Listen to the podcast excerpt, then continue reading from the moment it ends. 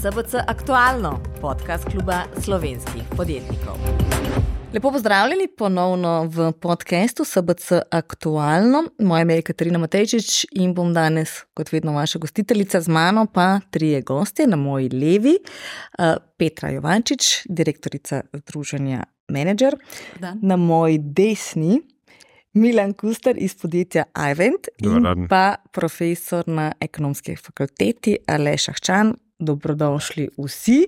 Današnja ključna tema pa, potem ko smo tedne govorili o novih davčnih obremenitvah, tokrat uh, nedavčne in druge obremenitve, torej predvsem administrativne, v zadnjih tednih ekstremno aktualen ukrep evidentiranja delovnega časa, seveda pa to ne bo edina stvar.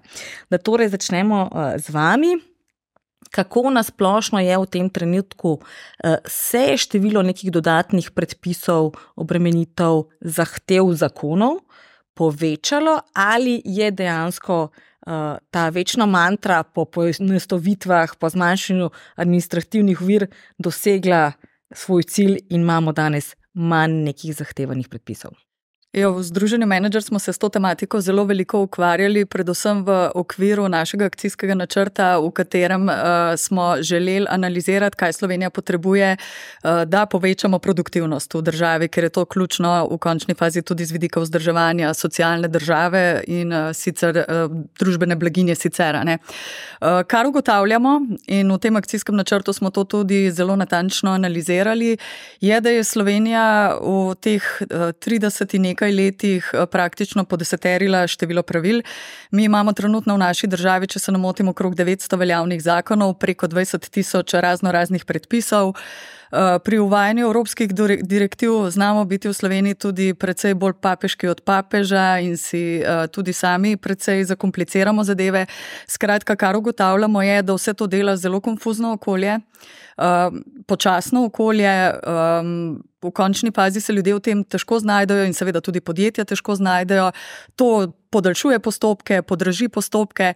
Tako da bi v bistvu naš zaključek z vidika eh, birokracije pa administrativnih obremenitev, da bi morala Slovenija nujno narediti korak nazaj in to zagotovo zmanjševati. Eh, ideje so najrazličnejše od tega, da za vsak nov predpis kakšnega mogoče ne vem, odpravimo. Eh, ne vem, skratka, kakršne koli poenostavitve so tukaj močno zaželene. Uh -huh. uh, čist pri vas v praksi, kaj opažate, recimo, kje vam v tem trenutku uh, največ časa vzame, s čim imate največ dela in kaj recimo še nekaj let nazaj niste potrebovali oziroma uh, Ni bilo del vaše dnevne aktivnosti, zdaj pa morate, recimo, ravno zaradi vsega tega, temu dodatno posvečati svoj čas. Ja, gledajte, zdaj, kolegica je odlično povzela to, kar se nam pa v praksi dogaja. Ne? Namesto da bi stvar, stvari šle v tej smeri, da bi bili postopki enostavnejši, razumljivejši, usmerjeni v, v cilj, da bomo zvišali produktivnost, ne pa povečali administrativne uh, postopke, s tem se pač uh, spopadamo. Zdaj, danes imate tvojega sogovornika, ki zelo malo gleda televizijo, ne, uh, se s temi nebulozami ne ukvarja preveč. Čeprav imamo letno najmanj dve do tri inšpekcije, ponavadi pridemo skozi, ker imamo urejeno podjetje, urejeno imamo po zdravji kmečki logiki, novih predpisov ne upoštevamo, pa jih tudi ne bomo. Ne. In smo pač mogoče to nekaj posebnega. Res pa je, da uh, ta igra zahteva, rekel, da se vedno malo korak spredaj. Ne. Kaj pomeni, da jih ne upoštevate? Torej, rekli ste, da do zdaj ste vedno z inšpekcijami dobro prišli čez. To? to je predvsej ja, kot da ste poklicali novo inšpekcijo. Ne? Zdaj, ko govorim, sem poklical novo inšpekcijo. Ne? In, uh, ja, prišli smo zato, ker imamo, bom rekel, stvari pošlihtane, imamo, bom rekel, od pravilnikov do vseh teh uh, mogočih uh, podaktov v. v s katerimi se ukvarjamo, imamo outsourcane, torej svetovalce, ki se s tem ukvarjajo. Jaz tega sploh ne gledam, upoštevamo pa i tak nič. V redu. Uh, torej, vprašanje je, kako to vpliva na neko splošno poslovno okolje. Uh, Umenuje že uh, dodano vrednost, seveda gospodarsko rast, in pa v končni fazi tudi zanimivo Slovenije kot destinacije oziroma države za uh, neposredne tuje naložbe. No, um, vse veste, če daste plavalcem v eni državi zahteva, da plavajo z nahrbtnikom, drugi pa plavajo brez nahrbtnika, pa bodo manj radi hodili za vašo državo plavati oziroma delati. Tako da žalosten je, da v tej točki, bom rekel, kjer je vedno več konkurence in vedno večja volatilnost, mi povečujemo, bom rekel, birokratske ovire, kar dodatno otežuje, bom rekel, tekmovalnost teh naših podjetij. Zdaj, mi se mi zdi, smo se pro forma zaradi tega povečanja transparentnosti in odgovornosti, ki ga pravimo s pravili dosežeti, smo se lotili na napačni strani. Treba je vedeti, da podjetniki ki v večini časa odgovarjajo svojim premoženjem in si želijo, da njihova investicija raste, imajo odgovornost že zaradi tega, ker imajo ogromno premoženja vezanega v tem podjetju. Tako da ne vem, zakaj moramo pro forma povečati število pravil, predvsem strani tistih, ki nikoli ne plavajo v bazenu, pa dajo na hrbnik tistim, ki plavajo.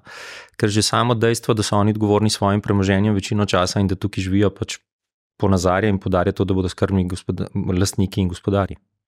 Uh, pa da ne bomo zdaj čisto samo vedno kritizirali, ali je slučajno kakšen premik tudi v pozitivno smer, da se je pa dejansko na nekem področju kaj izboljšalo, pohitrilo. Uh, recimo, veliko se je govorilo o hitrejšem ustanavljanju podjetja, sploh za tujce in podobno.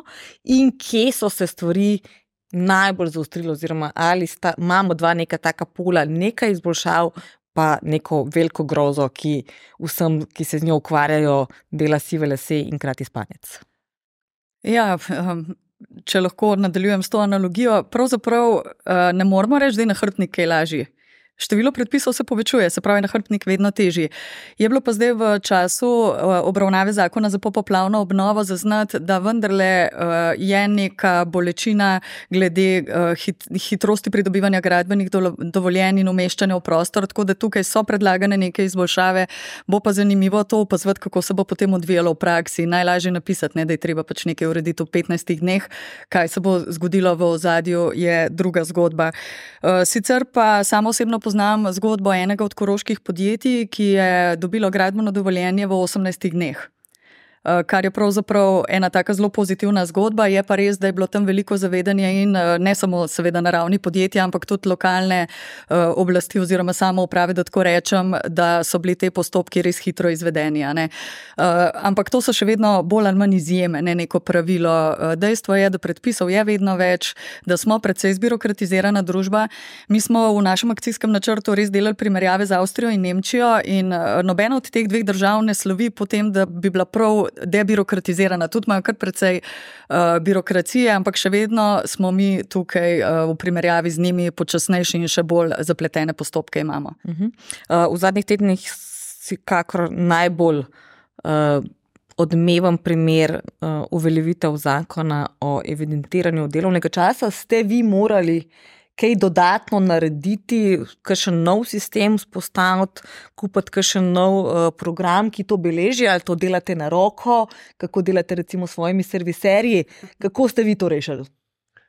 Mislim, perfektno, tako kot vse stvari v življenju rešimo. Uh, naredili smo vse in pa nič. Ne? Tako da verjetno bi zadovoljili neke osnovne pogoje. Če bi se kdo uh, hotel, torej če bi kdo hotel to preverjati, v praksi pa nismo naredili nič, ker je sistem, ki ga ti gradiš 15 let. Ne? Ni zdaj dovršen, vedno se ga da modificirati, ne, ne moreš pa stopiti deset korakov nazaj, ne, pa ljudi pošiljati na eno točko, s katero morajo štartati, če en štarta v Ormožu, drugi pa v Mostu na Soči. Ne, in uh, na kak način zdaj mi bi lahko te evidence vodili. Ne.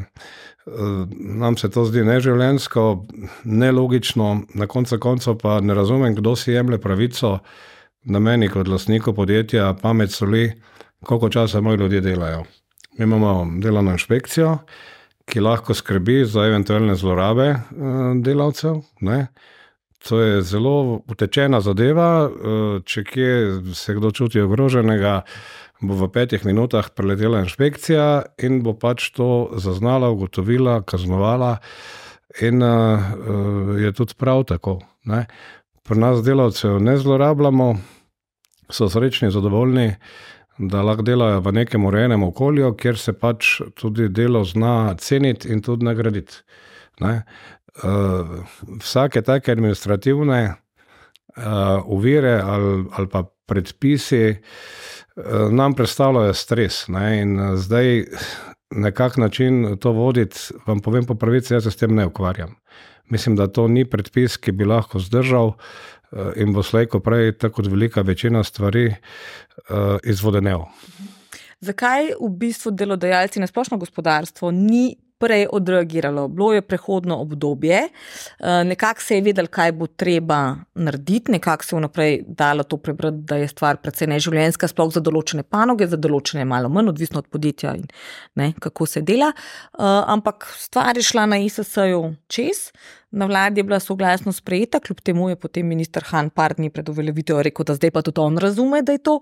Zakaj ni bil ta celoten uh, bum in, in ogorčenje morda nekoliko prej, zakaj se je čakalo do zadnjega? Pravzaprav že v času samega sprejemanja zgodbe ni bila tako zelo enostavna. Tudi to sprejemanje na ekonomsko-socialnem svetu je precej stvar eh, različnih interpretacij. Eh, moram sicer povedati, da no, Združenje menedžer ne sodeluje v tem socialnem dialogu, mi nismo člani ekonomsko-socialnega sveta.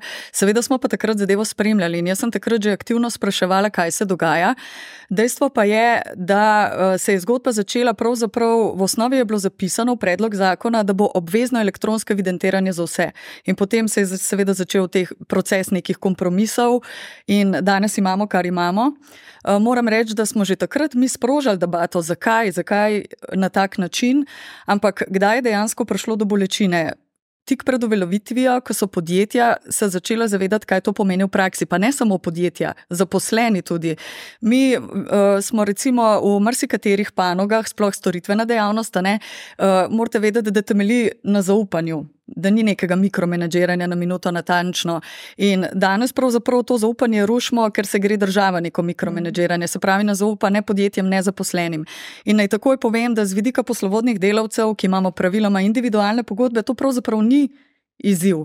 Izziv je na strani zaposlenih, ki kar naenkrat so podvrženi zelo strogi kontroli, da tako rečem. In uh, poenostavljeno je razumevanje, da je treba vedno izhajati iz nekih napak v sistemu, ker kršitve bomo vedno imeli tudi po tem zakonu. Uh, ne moreš potem sprejemati zakona, da zgorjačo udariš po vseh ostalih. Za kršitelje je zadeva zelo jasna. To se rešuje na ravni pravne države, imamo inšpekcije, imamo nadzor, imamo sodišča za to. Uh, vse ostale david z birokracijo za to, da bomo bomo domnevno rešili nek problem, jaz mislim, da ga nismo rešili. In uh, enostavno zadeva ni dobra. Jaz upam, da bo držala ta zaveza, da bodo zdaj tri mesece to spremljali in da bodo podjetja tudi uh, dala svoj glas in da se ta zadeva lahko spremeni, ker je neživljenska. Mi moramo razumeti, v gospodarstvu ni enoznačne zgodbe. So panoge, so poklici, kjer je morda to smiselno z vidika vodenja, uh, so pa storitveni in drugi poklici, kjer to absolutno ni potrebno. In mi se danes pogovarjamo o tem, da moramo iz dela rok preiti na uh, ustvarjanje realnost, na višjo dodano vrednost, na digitalno, na zeleno, krožno, ne vem kaj še vse. Po drugi strani uh, pa se ukvarjamo pravzaprav z neko birokracijo, kot da smo nekje v neki industrijski revoluciji, v nekih umazanih tovarnah. Uh, sodobne oblike dela so danes povsem, povsem drugačne. Ljudje so radi svobodni pri svojem delu, so bistveno bolj ustvarjalni.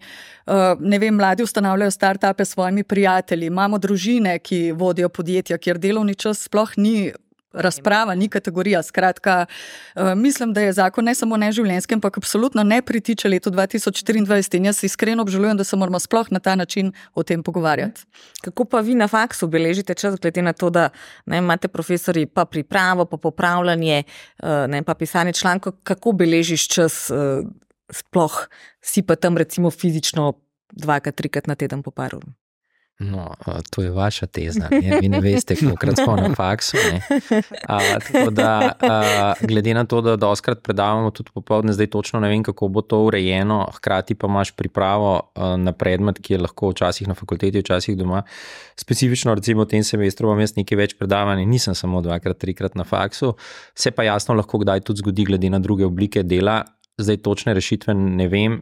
Bistveno bolj pomemben se mi zdi pa to, kot zdaj se mi ukvarjamo z nekim mikrosimptomom, ki je posledica morda napačnega ustroja družbe ali pa tudi. Mm -hmm cele zasnove politike, kot smo imeli. Dajmo se mi vprašati, stopimo en korak nazaj, ne?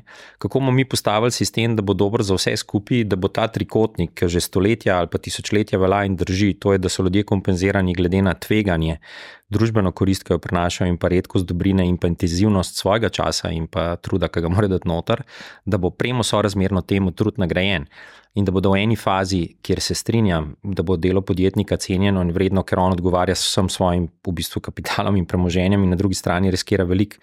Imamo tudi poklice, ki riskirajo več, kot so gasilci, posamezni policisti in tako naprej, ker riskirajo življenje v končni fazi za neko minimalno plačilo. Kdaj bodo te ljudje prišli v spredje kot vlečni konji družbe? In se ne bomo ukvarjali z nekimi mikrosimptomi tega, kar izvrže politika in vsaki cenirali te mikrosimptome, ampak bomo postavili sistem, kjer bo odgovornost lokalizirana in na drugi strani nagrajen tisti trikotnik, o katerem sem prej govoril. Tako da to štempljanje bo po mojih malo šlo pozabo.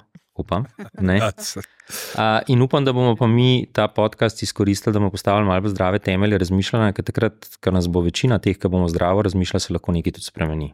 Uh, eno od velikih ovir je bilo sploh v zadnjih mesecih tudi uh, zaposlovanje ljudi, sploh tujcev, sploh v mesecih, ko smo imeli res rekordno nizko uh, brezposobnost, zdaj se sicer te številke nekoliko povečujejo, pa še vedno smo zelo dobri. Smo pa imeli ravno septembra največje število samozaposlenih.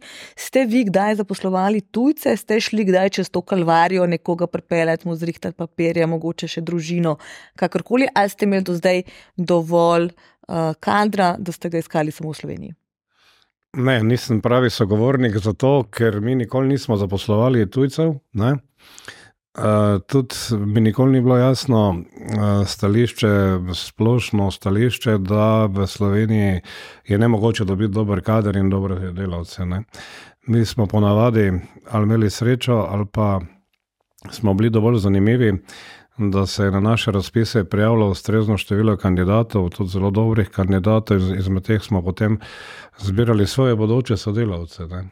V tujini imamo podjetja, ampak so to samostojna podjetja, tako da tega transferja eh, s tem se ne rabimo ukvarjati. Uh mhm.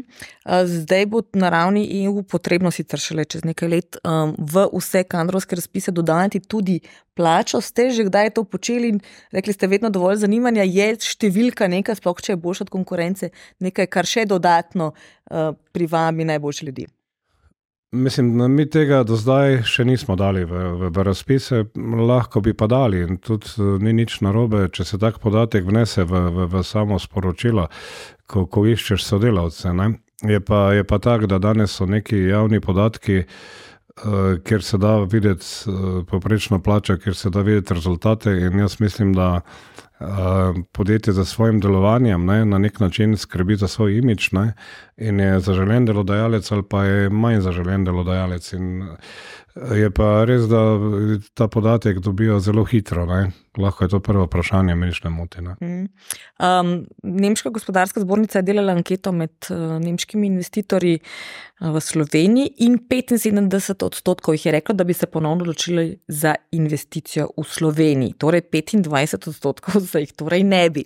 Je to za oba vprašanje dober hmm. podatek ali je to zelo slab podatek? Jaz sem pričakovala, da bo več tega in je upadlo, ker če se ne motim, v prejšnji anketi je bilo 80. Uh -huh. Tako da ta delež. Tistih, ki se ne bi več enkrat odločili, je zrastel. Torej, zakaj in kaj nam to v bistvu pove, v, ravno v kontekstu dodatnih ovir, predpisov, zakonov? Če lahko jaz, pa se bom hitro se upravičujem, pač očitno bom rekel profesionalna deformacija. Uh, Um, lejte, ljudje komunicirajo z besedami, glasujejo pa z nogami ali pa dejanji. Jaz, druga stvar, psihološko gledano, nekdo, ki je imel donosno investicijo, mogoče na podlagi preteklih vtisov, ker oni sem prepričan, ne spremljajo vsega, kaj bi bilo treba še enkrat narediti, če grejo v investicijo, se odločajo na podlagi preteklih donosov ali pa preteklih izkušenj. Tako da jaz osebno mislim, da bi bilo de facto celo več. Bolj kar me skrbi, je pa tisto, da nekateri naši podjetniki so že ali pa razmišljajo, da bi se preselili. In te odločitve so doskrat irreverzibilne, ker so povezane z nepovratnimi stroški, v tem smislu, da ko enkrat narediš selitev, je to s sabo potegne kar nekaj časa dela in pa stroškov.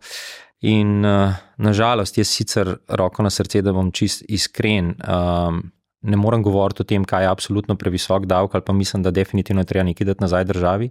Ampak mi danes tekmujemo s Hrvaško, Srbijo in ostalimi. In te države imajo bistveno bolj ugodno davčno politiko, in če želimo te vlečne konje obdržati tukaj, bomo se mogli do neke mere prilagoditi. Hvala Bogu, imamo podjetnike, ki veliko vračajo družbi, kot je bil primer podjetja Elektron in tako naprej ki samo inicijativno in verjetno še drugih vračajo nazaj v to družbo, in da moramo se vprašati, kaj bo, če teh ljudi s tako visoko dodano vrednostjo in takimi zaslužki več ne bo. Tako da bodimo veseli, da imamo podjetnike, ki dobro delajo, naredimo pa okolje toliko bolj prijazno, ker jaz verjamem, da marsikdo od njih bo investiral in vrnil denar nazaj, in bomo to lažje potem tudi ostali prosperirali skupaj z njimi. Mhm. Ja, se popolnoma strinjam. In mi se moramo kot država razvojno vprašati, od česa bomo imeli kot država več, z vidika celovite družbene blaginje. Ali to z več administracije, z več davki, ali je mogoče čas, da si nalijemo čistega vina, pa se vprašamo, kaj je z našo konkurenčnostjo. Eh, lestvica seveda obstaja, vemo, kje smo, Slovenija drsi nažalost na vzdolj. Eh, trenutno smo na 42. mestu, tudi veliko od teh stvari, ki se danes pogovarjamo, na to vplivajo. Bi pa spomnila na tiste ambicije, ki smo jih imeli 15-20 let nazaj, da bi Slovenija vendarle rada prišla med 20 najboljših. Ne vem, kdaj in kje smo izgubili to ambicijo. In tukaj se je treba vprašati vse o razvojni davčni politiki, o razbremenitvi z vidika administrativnih bremen in tako dalje. In uh, treba je na nek način delati na zavedanju, da je to stvar, ki prinaša rezultat na dolgi rok za vse. Mi v končni fazi, če smo privlačni za investicije, če kot gospodarstvo raste, potem so to prilivi za zdravstvene, pokojninske in vse ostale blagajne. Tako da to zgodbo moramo v Sloveniji bolj celovito povezati. Če smo rekli, da smo za Nemce na tri četrt prijazni, ne? Pa prej ste omenili, da Avstrija in Nemčija nista državi, ki bi sloveli po nekem malem številu zakonov, predpisov in podobnega, torej so nam precej podobni. Kaj to šele pomeni za investitorje, recimo američane, eh, neke azijske investitorje, kjer verjetno je neka ta obremenitev s predpisi še bistveno, bistveno manjša kot je Evropa, ki smo znani po tem, da smo doskrat bolj papeški od papeža in sami sebi postavljamo neke dodatne umitve. Poglejte, da sem razmišljal uh, o tem vašem vprašanju z vidika podcasta. Pa bom dal en primer. Ne. Jaz se sicer strinjam, korupcija je problem, ampak samo da bodo ljudje finančno razumeli, ker je to pač eno področje, na katerem delujem. Če imate vi korupcijo, ki stane 10% vrednosti projekta, je to predvidljiv strošek in vam poveča donos za 10 odstotkov. Skratka, na mest 10-11 odstotkov morate donosa delati. Če imate vi birokracijo in negotovo okolje, kot je slovensko, in se vam lahko zamakne izvedba projekta iz 3 na 8 let, vam nenadoma ta 10-procentna donosnost, ki jo hoče investitor, skoči na 25%. Tako da, dajmo se vprašati, kaj mi s tem delamo, ko je okolje negotovo, zbirokratizirano in koliko zaradi tega izgubimo investicij in pa priložnosti. Ena velika grožnja, s katero smo se mi tudi v akcijskem načrtu zelo veliko ukvarjali, je tudi naša demografska slika. Ta je zelo, zelo neugodna in mene čudi, da se eh, s tem nihče malo bolj resno ne ukvarja. Eh, če pogledamo kar konkretne nominalne številke, nam se upokojuje baby boom generacija, ki se je rojevala, to je bilo približno 30 tisoč in več ljudi na leto. Mi smo danes v situaciji, ko uh, na trg dela prihajajo mladi, ki jih je 18-19 tisoč, od tega nam še marsikdo gre študirati v tujino, pa morda začenja kariero in ga je zelo težko nazaj potegniti. Hkrati imamo zapletene postopke za pridobivanje tujcev, pa ne govorimo tukaj samo o proizvodnih kadrih, tudi o talentih, ki jih potrebujemo v ustvarjalnih poklicih za večjo dodano vrednost. In, uh, To je velika, velika grožnja z vidika pokojninske zdravstvene reforme in tako naprej. In zato se pravzaprav pri nas vse lomi na tej delovno aktivni populaciji, ki prevzema vedno večje bremena. Mi ne smemo pozabiti, da je pred vrati tudi dodaten prispevek za dolgotrajno oskrbo, da imamo zdravstveno blagajno podfinancirano, da pokojninsko blagajno praktično že zdaj sofinanciramo iz proračuna. To so zelo resni strukturni problemi, ki so vedno večji in ne razumem tega, zakaj se s tem konkretneje na ravni celotne države ne ukvarjamo. Ste vi kdaj razmišljali, da bi uh, selili svoje podjetje na Hrvaško, recimo, ali pa saj tam odprli neko večjo, pomembnejšo podružnico, uh, zdaj grejo v razbremenitev plač, um, za manjše podjetje do milijon uh, dobička imajo bistveno boljše davčno okolje, tudi drugo spodbudo. Ste kdaj razmišljali, da bi saj en del svojega dela preselili tja, v končni fazi je to urovožnje? Glejte, ja, sem razmišljal, pa tega nisem napravil. Ne? Nekako imamo Slovenci še vedno en taki moralni imperativ do te države, ali pa smo tako tumasti, da, da nekako upamo, da bo se to nekako samo od sebe nekega dne malo, malo popravilo in bo vse skupaj postalo malo, logi, malo bolj logično. Ne? Uh, zdaj, podjetje na Hrvaškem smo ustanovili, ja, ukvarjamo se s podobno dejavnostjo, izjemno, izjemno lepo rastemo zadnja leta in zaradi tega tudi poznam uh, torej davčne vrednotve, kakršne koli so na Hrvaškem. Uh, bi pa mogoče malo drugače obrnil ta zorni kot, uh, čeprav se z sogovornikom absolutno strinjam z vsem, kar sta povedala. Ne. Problem je v tem, da se mi vsi lahko strinjamo, torej smo ljudje, ki verjetno um, približno vemo, kaj je pomembno. Ne? Pomembno je, da se dodana vrednost ustvarja, pomembno je, da, da se zavedamo torej tudi širše, da uspešno gospodarstvo lahko generira neko državo z nekimi uh, servisi in ali pa reko državo blaginje. Ne? In zdaj eh, teptati uh, kuro, ki ti, ki ti nese zlata jajca ne, in jo obremenjevati do tiste točke, da bo počla, uh, spakirala, pa šla na Hrvaško, ne, je pač ne vem, nekako kratkoročno razmišljanje. Mi vsi gremo na Hrvaško, jutri, veste, to je za nas, ki smo iz nič ustvarili neko zgodbo, je tak transfer res mala malca. Ne. Ampak ne vem, zakaj. Ne. Vseeno nekako uh, poskušamo dati svoj doprinos tej družbi, uh, se pravi, na nek način uh, izpolnjujemo svoje državljanske naloge, ne? ampak se ti pa zdi, eh, bom rekel, iz leta v leto bolj tumasto. Ne? Uh, obdavčitve na obdavčitve, na dodatne obdavčitve, in potem to še malo obdavčiš. Ne? In uh, jaz bom zdaj tako rekel, no, mogoče bi to bilo za malo skreniti iz teh pogovorov, ki so vsak dan na tapeti. Ne? Jaz mislim, da ima Slovenija preveč denarja. Jaz mislim, da je absolutno preveč denarja da če bi s tem denarjem nekdo znal pravilno razpolagati in ravnati, ne, bi ljudje živeli fantastično. Zdravstvo, breča brez dna, državna uprava, nobenega kriterija uspešnosti, tle se širi, množi, razmnožuje. Ne rečem, da, ne, da, da, da, da niso uh, ljudje, ki delajo, ampak že samo postopki so taki, da zahtevajo nerazumno veliko število ljudi. Uh, Mhm. slepo sledenje Evropi. Pa Evropa se je dala šel z ena kolena, zdaj se ga bo še v drugo. Pa kdo je rekel, da smo ne najbolj pametni? Če me vprašate, že smo malo provokativni, malo leti iz te Evropske unije, kako lahko. Takoj, imeditli. Postani samo skrben, poveži se z državami, Briksa, ne vem, se niso edini, se delajo same neumnosti. Ja, replika. Se strinjamo, v vidki državi se mi absolutno premalo pogovarjamo in ta uh, besedna zveza je na nek način zginila iz agende. Nihče več tega ne odpre. Uh, bi se pa mogoče navezala, no, da ko si nekaj let v Sloveniji in eh, postaviš podjetje in si nekaj časa tukaj, je veliko teže odločitev za selitev v tujino, kot recimo pri mladih, ki imajo danes uh, krasen pogum, da gredo v tujino in si upajo. In bi pa tukaj mogoče omenila še vidik socialne države, se strinjam z gospodom, kar je povedal. Pred kratkim sem naletela na primer uspešnega podjetnika, mednarodna karijera, živel delal v Singapurju, ampak potem iz razprave zaznam, da trenutno je v Sloveniji. Eh, seveda zato, ker je žena noseča. In za čas, ko je noseča, bodo ostali tukaj, da tukaj rodi in potem hodili v vrtec, kar je pravzaprav en dober signal, da mi nekatere zadeve imamo kvalitetno urejene in da tudi ni vedno vse zlato, kar se sveti na vzvane. Uh, mislim pa, da ima Slovenija res odlično lego in odlično priložnost, da eh, bi z neko pametno državno politiko lahko bolj poskrbela, da ti talenti že v osnovi ostanejo doma in da se Slovenija razvija, da ponuja te priložnosti. Jaz sem jih danes brala, da smo meni sedeli 28 na lestvici za privabljanje in ohranjanje talentov.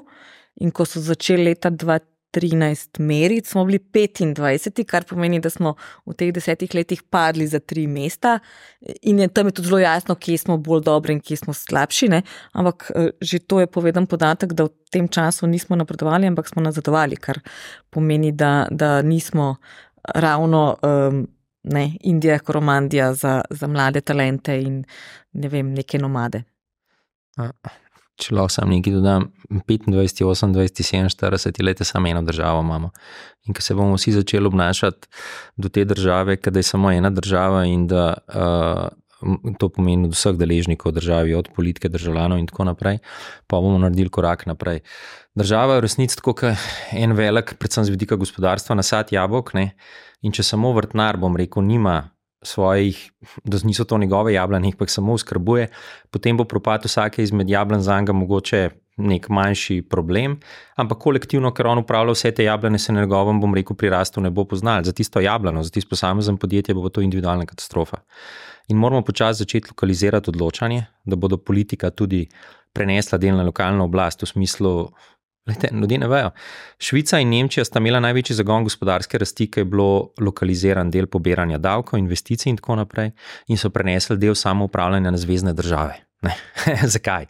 Ker tam se ne da skrivati napačnih odločitev več pred ljudmi.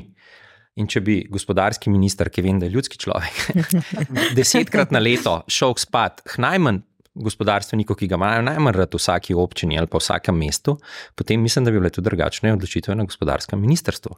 Tako da demo lokalizirati to odločanje, mi grede sam medklic, da ne bo potem kašnega ekota, mene politika ne zanima, ne? ker pri nas je potem zelo priljubljeno, da kdorkoli pove, kakršen koli argument se ne napada argumenta, ampak človeka.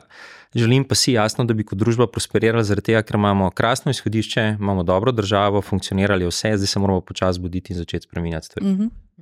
Uh, omenili ste zdravstvo in omenili ste zadovoljne zaposlene, uh, glede na to, da smo v letu ukinjanja dopolnilnega zdravstvenega zavarovanja, ki prehaja v obvezno in se je v zadnjem tednu trikrat spremenil, kako se bo to obdavčilo. Ste morda vi svojim zaposlenim plačevali ali dopolnilno zdravstveno zavarovanje ali kakšen uh, drugi stebr pokojninskega zavarovanja, imajo tudi kakšne te ugodnosti in so tudi zato zadovoljni in nimate težav z novimi kadri? Ne, ne, imajo, imajo. Mi smo že sedem ali osem let v neki schemi. Ne me zdaj vprašati točno, um, kako se je reče, ampak plačujemo. Se pravi, podjetje plačuje za neki drugi steber ali nekaj podobnega. Uh, svojim delavcem v nekem davčno priznanem deležu. deležu ne, in uh, to se jim pač uh, nabira. Ne. Zdaj, uh, uh, Ste mi neko vprašanje postavili? Ne, če ste slučajno tudi eh, dopolnilno zdravstveno plačevali, ja, zdaj bo. Ja, ja. Um, ne vem, kak je pa z dopolnilnim zdravstvenim, če govorimo o tem uh, dodatnem zdravstvenem uh mhm. -huh. zavarovanju. Jaz že deset let ga ne plačujem. Uh, pred petimi leti sem tudi žena prepričal, da je šla ven iz te šlamastike. Glede, imamo že najmanj 10-15 let privatnega zobozdravnika, ker to ni način, da, da ti zobe ne izpadejo, da o ginekologih reč ne govorim in uh, se zavedamo, da smo prišli v situacijo, uh, kjer je res težava, če si odvisen od uh, trenutnega zdravstvenega sistema. Res je to velik problem in zdaj. Lahko nekdo reče, da ja, je tisto, kar denar, se pa lahko temu izogne in gre privat. Ne? Ampak čekajte malo, zdaj, veste, koliko mi plačujemo že za obvezno zdravstveno zavarovanje, pa pa še vse privatno zraven. V času enega življenja je to za eno hišo. En, da meni pol nekdo upa reči, da ko jaz telefon obrnem, nisem čez 15 minut sprejet, pri tem denarju, ki ga plačam, ne? je tako, da vi mene pokličete, naročite storitev, jaz vam jo zaračunam, vzamem denar in porečem, čakajte, čakalna doba, čez 15 let se mi javite. Kaj boste zdaj, ko boste pa imeli to kot obvezno uh, zdravstveno zavarovanje. Glejte, ne vem, mogoče se bom na Hrvaško preselil. Uh, definitivno pa vse te obremenitve. Ne vem, mi, ki dejansko tukaj delujemo, ne, pa nismo, nismo jaz edini, ne, ampak tukaj je kar nekaj teh ozaveščenih podjetij, to je daleč od neke tajkunske zgodbe, kjer ogromno dajemo nazaj v okolje. Ogromno, ogromno, ogromno pomagamo, stimuliramo in ko se oziramo okrog sebe zdaj ko so se mi nekaj leta nabrala, v bistvu razmišljam, da smo slovenci svetovni prvaki. Poglejte športnike, poglejte posameznike. In če mi ne bi bili tako ekstremno sposobni, ne, da z nahrbnikom včasih plavamo hitreje, kot pa oni, Nemci, samo ja. Nemci so debeli zavaljeni po 15 letih konjunkture, mislim, mi se niti ne zavedamo. Jaz svojim ljudem razlagam, tudi kolegom včasih. Pa kaj si zavedaš, kako smo mi bolj mislim, bolj, bolj, bolj gibčni, bolj navajeni vsega hudega. Vse smo v času. Mm.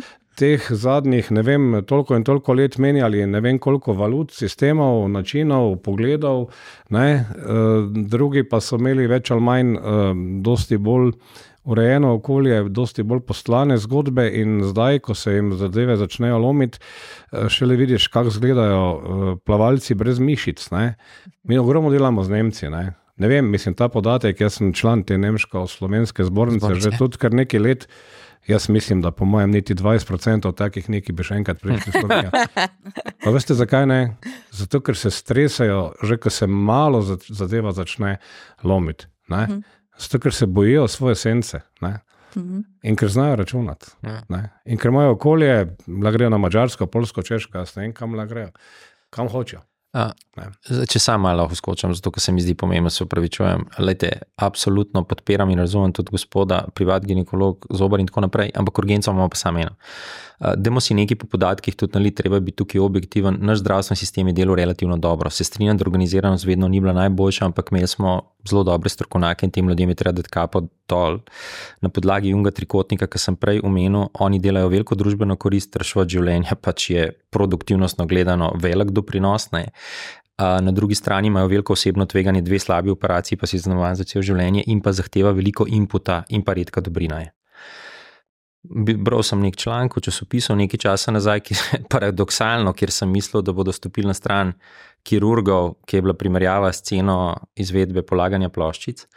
In je bilo kreganje, da je čisto normalno, da stane izvedba polaganja ploščic več, ampak od slabo položenih ploščic ni umrl nišče, ne? od slabo izvedenega kirurškega dela pa marsikdo. In jaz si želim čim več dobrih kirurgov.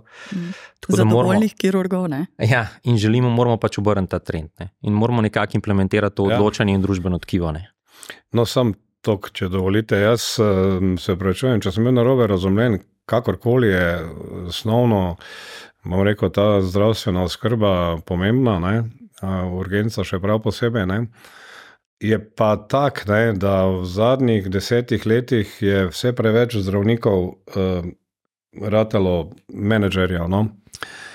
In uh, ne poznam več zdravnika, ki ne bi gradil kakšnega vikenda na Hrvaškem in, in, in imel res ekstremne viške. Ne? Pri tem, da večina njih uh, drži svoj status v neki javni ustanovi in dela dodano vrednost v privatnem sektorju.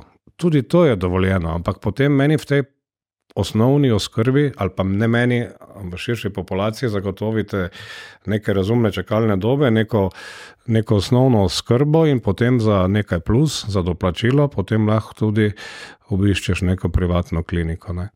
Jaz, Kaj pa se je zdaj jaz, pomenilo, glede na to, jaz, da, da zdaj bodo sicer res, da vsi plačevali, ne, pet odstotkov jih prej? Samo, samo eno stvar še, pa da upam, da ne bom narobe razumljen. No, ampak, kar se tiče teh svetovnih prvakov, srčnih kirurgov in ne vem, ostalih specialistov, takih in drugačnih, ne, mislim, to je tako, ne, uh, ti fanti slejko prej dobijo ponudbo stojine.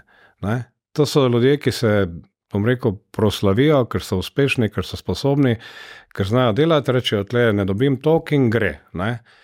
In mi imamo vedno probleme. Pol vsem jemljemo ne, neke kvazi uh, ljudi ali pa, ali, pa, ali pa zdravnike iz, iz bazena, ne vem, bivše Jugoslavije ali še dalje. Ki pač pol uh, upravljajo svoje delo, tako upravljajo. No. Jaz imam tukaj eno, eno svoje mnenje. Jaz mislim, da zdravstvo bi bilo treba resetirati popolnoma, da je čist na robe postavljeno, da nima nobene perspektive, da se sipa denar v, v, v ta koš. Da se ne ve, kdo pije, kdo plača, da imamo neke super moderne zgradbe in vedno je slabše. Vsako leto je slabše in vsako leto košta več denarja in vsako leto primankuje več zdravnikov.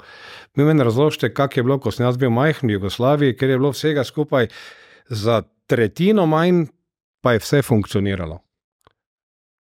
Torej, kaj se bo zdaj zgodilo, ko bo šlo dopolnilno zdravstveno zavarovanje v obvezno, kar sicer pomeni, da ga bo 5 odstotkov ljudi več plačevalo, pa vendarle bo šlo v bruto plačo, kar pomeni, da en ta del bo sicer šel v drug državni žep, pa vendarle bo šel v drug državni žep. Uh, Plus, da zavarovalnice so same povedale, da s tem denarjem, torej 35 evrov, oziroma par centov, odvisno od zavarovalnice, ne mogoče, ne sploh ob tej inflaciji in stroških in to, slediti nekim trendom. Uh, država je rekla ne, zato smo ga tudi čez noč ukinili, zaradi dveh, treh uh, sindikatov, ki so se tle dvignili, brez nekega resnega premisleka, samo v zadnjem tednu, trikrat odločitev, gre v bruto plačo, ne gre v bruto plačo, dvakrat obdavčen, ni dvakrat obdavčen, kaj je s tem. Denarja vedno manjka, ne glede na to, koliko se ga noter vrže, zdaj se ga bo očitno dalo notri manj upravljalo se ga bo zdaj iz enega centra, govorili smo ravno o mhm. decentralizaciji. Monopol. Morda ne, to, da smo imeli več upravljalcev, ni vedno slabo, sploh če je to privat firma, ki zna obvladovati svoje stroške. Torej, vprašanje najprej za vas, z tega malce širšega vidika, kaj bo to pomenilo za proračun. Že zdaj so zračunali, da bo to stotine milijonov premalo. Verjetno še kaj več. Bilo je več vprašanj, pa če provam, ne moramo v enem stavku. Tako kot vi zastavite več vprašanj v enem stavku, rabim, ja, rabim v enem stavku, rabim več stavkov, da odgovorim na ta vprašanja. Lejte, to prvo del, kar se tiče. Uh, celotna zdravstvena blagajna, jasno, starejša kot je populacija, višji je strošek, ker starejši ljudje več zbolevajo. To, da boste približno vedeli, v starostnem razredu 75 do 85 je strošek na per capita 8 do 10 krat večji kot 25 do 35 in mi imamo ta shift, imamo vedno več starih ljudi. Zaradi tega tudi to drži, kar so zdravstvene zavarovalnice rekle, da pač strošek bo absolutno naraščal in to premeščanje iz dopolnilnega zdravstvenega v obveznega ne bo rešil problema, ker prehranili smo v resnici 40 milijonov stroškov, ki so jih imele one. Pričemer pa še vedno, kot bo uh, gospod uh, vedel, nismo marsikere neučinkovitosti v zdravstvenem sistemu popravili. Vi morate nekaj vedeti, ZZS. Uh, jaz verjamem, da ima, bom rekel, moralno inicijativo, da se proba čim bolj spogajati, ima pa ekonomske inicijative, da določena nesorazmerja, ki obstajajo, recimo za določene posege ali pa stvari so normativi ali pa cene še vedno iste, kljub temu, da se ekonomija spremenila, ekonomika teh posegov in so ratelj desetkrat cenejši, obstajajo neučinkovitosti v sistemu. In te neučinkovitosti bi hipotetično bistveno lažje odpravile zdravstvene zavarovalnice, če bi se jim rekli, če želite upravičiti svoj obstoj, znižite stroške 40 milijonov na leto tega zdravstvenega zavarovanja in bi jih. Zdaj smo prenesli to v obvezno zdravstvo. Drug problem je ta, da bomo spet očitno nadpoprečno obdavčili vlečne konje plače. in uh, ne vem, kako nam uspe.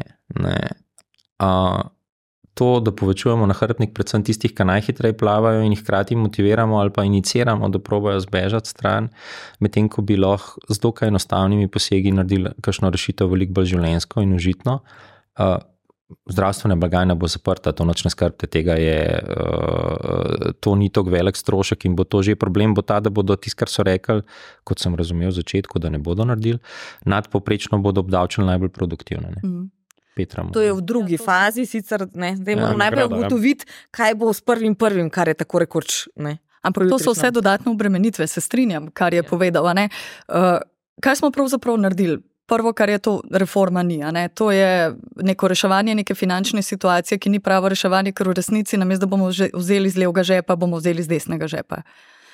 Uh, jaz se spomnim časov, ko smo se o zdravstvu pogovarjali, ko je bil celokupen izdatek za zdravstvo v Sloveniji 2 milijardi in pol. Mi smo danes v Sloveniji na 5 milijardah. A se mi lahko vprašamo, kaj se je v tem obdobju zboljšalo za bolnike? In tudi to, ta nesrečni izračun teh 35 evrov, uh, v zvezi s katerim je tudi Zavod za zdravstveno zavarovanje opozoril, da je to že danes premalo. 10 evrov prenisko, točno toliko, kot je generali takrat prvi dvignil. Ne? Tako in uh, ta naša neskončna naivnost, prvo kot prvo, ja, smo ukinuli dopolnilo, de facto bomo še vedno to plačevali, se pravi, samo iz drugega žepa.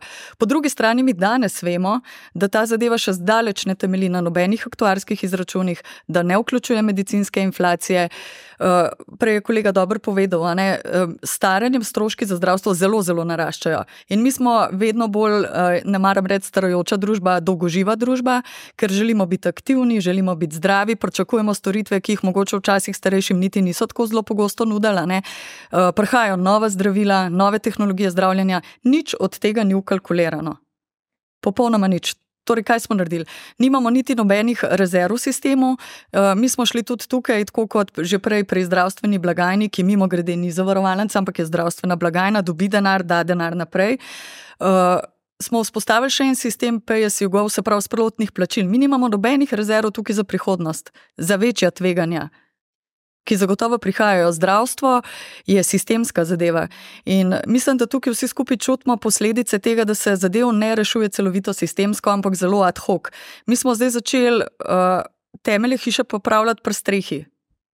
V resnici pa organizacija še vedno, tako kot je gospod prej povedal, ima izzive, jih nismo rešili. Eh, Sam malo bom uskočil, Petra, mogoče pa rešitev ta, da v tej hiši, ki jo določeni popravljajo, potem tudi spijo. To je bil namreč. to je bil pol, namreč. če se slučajno kaj zgodi, da bojo videli, kako je. Ja. No, tudi ve, zelo velik strošek, tle smo pa tretji v Evropi, je strošek bolniških odsotnosti. In če sem prav si zapomnila podatek, porabimo 8,5 odstotka BDP-ja samo za to. Zdaj je spet sprememba bo zakona, kjer boste delodajalci plačevali za 30 dni, ne več 20. Absolutno. Bo pa hkrati omejena bolniška uh, nadomestilo, ne, kar pomeni, imate vi z bolniškami uh, težavo, za ZSE-ju je to za 200 milijonov v enem letu zrastel strošek, imate vi težave z bolniškimi odsotnosti, sploh z dolgo, ro, dolgotrajnimi, in ali mislite, da bo to, da bo zdaj recimo bolniška uh, omejena na 2,5 kratnik bruto plače, človeka, sploh če imate koga, ki ima več kot to, spodbudilo, da mogoče ne bo vlekel neke bolniške 3, 4, 5, 6 mesecev. Ne, ne, pri nas je bolniških izredno malo, um, pač tega inštrumenta se niti ne uporablja, veliko niti se ga ne zlorablja. Tako da, zopet, mogoče mi smo premajhni, veste, da bi zdaj jaz tukaj um, lahko kaj pametnega povedal. Tudi želimo ostati majhni, fleksibilni, hitri, uspešni, pa tudi zdravi. Ne? Skrbimo za zdravje, telovadimo vsako jutro. Ne? Res. In, um, ne, imamo ene take svoje poglede. Uh, veste, za zdravje na koncu konca mora biti vsak uh, posameznik odgovoren, Odgovoren sam za zase, sebe, tako je. Računati na državo in na to, da bojo vem, eh, zdravila rešila tvoje zdravje. Jaz ne vem, mislim, če lahko koga z vrca prepričaš, mogoče eh, bi še šlo, ampak eh, to ni stvar resne debate. Ne? Mhm. Ne. Ne. Koliko se bo pa na splošno gospodarstvo poznal ta premik iz 20 na 30 dni, sploh recimo kakšnim večjim zaposlovalcem, ki pa imajo morda malo manj zdrave ljudi kot v eventu. Ja, seveda je to spet ena od, a ne vse te obremenitve se malo po malo seštevajo. Uh, bi pa mogoče. Uh, dan današnji se delodajalci zelo veliko ukvarjajo, tako kot je gospod povedal, z nekim dobrim počutjem zaposlenih, treba je delati v bistvu na tem in se sistemsko ukvarjati tudi uh, s tem vprašanjem, da so ljudje zadovoljni na delovnem mestu, ker potem vemo, da je tudi uh, bolniških odsotnosti manj. Kar se pa tiče uh, državne ravni, da tako rečem, sta pa dva izziva. Prvi je ta, da je Slovenija, mislim, da poleg Bolgarije, edina, ki ima neskončno trajne bolniške. Mm. Uh, to je en izziv, ki ga je treba nasloviti, je pa seveda to potrebno potem urediti v kontekstu, kako se rešuje takšne situacije, a ne, uh, da niso takšni ljudje puščeni v negotovosti. Uh, drugo, kar pa je, je pa ta omejitev, ne bolniške. A veste, mi že leta smo se pogovarjali o razvojni kapici in vemo, da pokojnine so navzgor omejene, zdaj očitno bodo tudi bolniške. Uh, zakaj se ne želimo pogovarjati potem tudi o omejitvi prispevkov, Mhm. ki, so, ki gredo zaenkrat v nebo? Kaj pa recimo uh, je lahko tle nek vpliv, zdaj se recimo razmišlja, da se bodo dvignile trošarine na vse stvari, ki naj bi skrajševale in uh, zmanjševale naše zdravje, od sladkih stvari, uh, alkohola, tobačnih izdelkov, zdaj bodo prepovedali vse, kar je in snuzov in teh pufov, kako se reče temu. Uh, je lahko to na eni strani prek trošarinske politike nek dodaten prihodek v proračun, hkrati pa. Sicer smo sami odgovorni, vsak za svoje zdravje, z težjo dostopnostjo ali pa z, z višjo ceno, da morda s tem znižamo nekoliko strošek zdravstvene blagajne. Če se malo pošalim, tam prsnuzu, pa puhu ste me izgubili, prsladkarije ste me dobili, tako da to je moja razvada. Lejte, vsaka stvar, čist striktno gledano, bom rekel, medicinsko in pa tudi z vidika učinkovite ekonomije, vsaka stvar, ki lokalizira odgovornost oziroma posledice dejanja, je smiselna. To pomeni, če mi vemo, da je neposredna povezava med sladkimi pijačami, cigareti in to naprej in dvignemo trošarine, deloma lokaliziramo to odgovornost, da tisti, ki imajo povzročajo večji strošek zdravstvene blagajne, tudi več plačujejo. To je eden od ukrepov, ki bi bil zelo smiselno, in kako pa v praksi, bom rekel, izpeljati. Uh, tako da, ampak še enkrat, kot rečem, ne, če bi stopili korak nazaj, pa bi tudi v samo družbo že prej. Bom rekel, to odgovornost pred pravicami ugradili, pa delo pred plačilom, bi bili mi vsi veliko na boljšem. In jaz naš drugega v takih podcastih, ki se mi zdi tudi izhodišče zelo dobro, ne želim, da začnemo počasi nazaj preusmerjati smer družbe ali pa rekel, te, tega, kam plovemo v malo bolj zdravo, zdrave temelje. Kot posledica, to so vse mikroposledice, to, kar smo danes govorili, v tem smislu, da imamo uh, podaljšanje bolniških, da imamo štempljanje in tako naprej. Ne. Te stvari v resnici ti nikoli ne moreš kompleksnega mehanizma od zgoraj na vzdolj korigirati ali pa upravljati. Kot na mor človeka, bom rekel, ti na daljinca pa mu da čipe v glavo, usmerjati, kako bo on roke. Ne. To v resnici mora priti od spodaj na vzgor in ta brbotanje, tudi v podjetniškem sektorju, da, slab, da dobro zamenja slabo in da se tako sistem sam čisti, mora biti tudi na ravni družbe. 100 pravil, 2500 izjem. Mm. Tako da, in ko bomo obrnili smer tega, da bomo. Odgovornost dal pred pravicami, hkrati pa tudi od vsega terjal, kar nekaj narobe naredi, potem da plača za to, ne? pa bomo na pravi poti in se bodo stvari veliko hitreje same uredile. Ne bomo rabili takih podkastov. Da... Ker bo vse idealno in, in ne bomo imeli o čem govoriti. Trenutno smo zelo postali družba regulacije. Vse pravzaprav želimo opredeliti, definirati, na ta način usmerjati. In se strinjam, tako kot je bilo rečeno, mi moramo družbeno vzgojo družbeno klimo kot tako spremeniti. Tudi recimo z vidika eh, neke privoščljivosti uspeha. V Sloveniji se vse začne pa konča pri čestitenju športnikom. Mm. Druge imajo pa slovenci pa že velike izzive in takoj, ko se postaviš ven iz povprečja, se zgodi. Pričemer večina športnikov davkov ne plačuje v Sloveniji, ne, če smo zdaj želeli. Ja, in, te najboljši. Ne. In tukaj je nek tihi konsens, da to je pa kar v redu. Dajmo se vprašati, če mogoče je treba na piedestal postaviti pa tudi druge uspešne ljudi. Pa ne govorim samo o gospodarstvu, vse lahko je to kultura, mm. karkoli. Um, začeli smo z pretirano regulacijo in z vsem, s prihodnim letom prihaja tudi uh, nova opredelitev zračunavanja elektrike. Nove omrežnine, pet časovnih blokov in deset različnih tarif, plus kazni za preseganje, ki naj bi um, doletela predvsem recimo podjetja kot je vaše. Sploh, če boste v nekih konicah presegali nekako že skoraj da napovedano porabo, ste začeli že kaj razmišljati, zdaj so sicer rok premaknili na polovico leta, pa vendarle, kako boste optimirali in kako boste skrbeli na teh, torej pet blokov in deset tarif, da ne boste z unimi 15 minutami, ki jih boste presegli, s tem potegnili strošek cel, celomesečni na neko popolnoma drugo raven. Ja. Ja, dobro, ja. Mi, mi, mi smo o tem razmišljali, tudi smo se pripravili, ne? imamo vlastno proizvodnjo elektrike, torej elektrarno.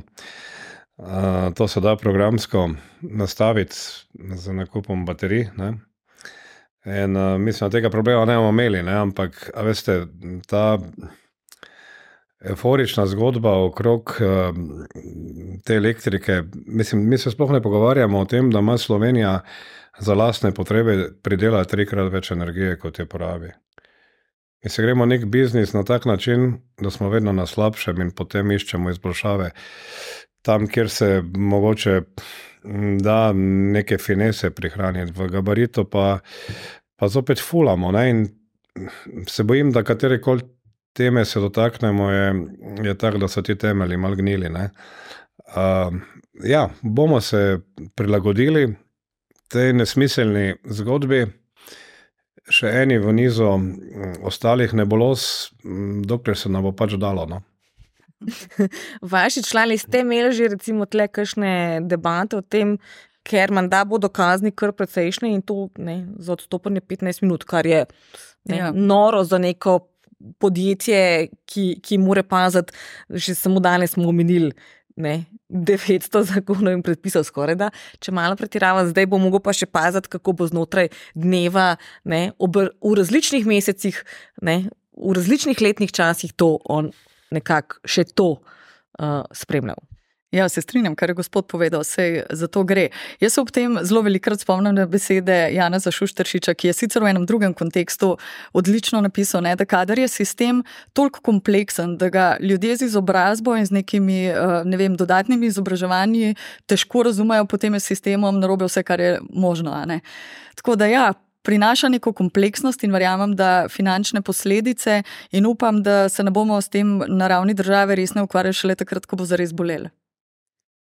Uh, da končamo z podobno temo, ampak na, na drugem, še širšem, v zadnjih tednih, še ena stvar, ki je precej eh, odziva zbujala, je um, regulacija države kratkoročnega oddajanja nepremičnin, torej preko Airbnb-a, Bookinga in podobno, kar naj bi na splošno Sloveniji več kot tretjino vseh nočitev ustvarjali. Hoteli so običajno, sploh v vrhuncu sezone, ko je tudi največ takih turistov, um, 90-95 odstotkov zasedeni. Kar pomeni, da mi tega, ne, če to prepovemo popolnoma, ne moremo v celoti prenesti na druge, uh, predvsem hotelske namestitve. Kaj to pomeni za dejansko prihod turistov, potrošnjo turistov, Slovenija velik del BDP ustvari s turizmom. Če mi zdaj, seveda, tudi če rečemo, tega ne bo, ne bomo izgubili vso tretjino, ne, pretežno tujih turistov, bomo jih pa kar precej. Je to ravno v času ohlajanja, ne, letošnja sezona ni bila rekordna, ni bila na ravni leta 2019, se nam splača zdaj še take stvari početi.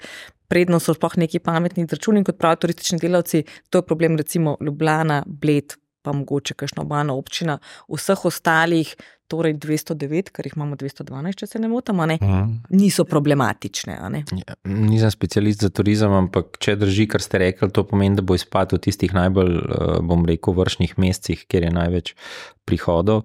Drugač pa kot razumem, enkrat sem sodeloval v eni debati, ampak ni moj področje turizem. Največji problem imajo hoteli, da so oni obremenjeni z več davki in dajatvami in drugi pristojbinami kot Airbnb. Če izenačimo level playing field, ne vem, zakaj bi omejeval, kaj lahko oni delajo. Ne? Uh, sicer je ukrep to tudi v drugih mestih, mest, ampak mislim, da to ni največji problem. No. Zdaj, kakšen bo pa kratkoročen in dolgoročen vpliv, pa se jaz upravičujem, res ne znam presoditi. Uh, da končamo s tem, ker smo proti koncu leta. Uh, kaj se vam zdi, da bo največji izziv leta 2024, glede na trenutno situacijo, tako politično kot gospodarsko, ne zgleda, da bomo uh, veliko šampanca odprli 31.12. in da bodo ognjemeti prav zelo svetli, če ne drugega, se napoveduje val stavk v začetku leta in podobno. In to samo, če gledamo zelo osko lokalno v Sloveniji. Torej, za vas, mednarodno podjetje, kaj bodo največji izzivi? Man, največji izzivi so zadnja leta vedno enaki. To pomeni uh, ohraniti notranji mir. Ne? In, um, na osnovi tega potem sprejemati odločitve, uh, krmariti po nekem razburkanem morju, se izogibati nekim viharjem, poskušati stopiti na gas, ko je lepo vreme. In uh, na koncu še sebe prepričati, da uživaš te vožnje. Podobno vprašanje, oziroma enako vprašanje za vaju. Jaz sem po naravi optimist in zelo, zelo ne rada slikam neke črne slike.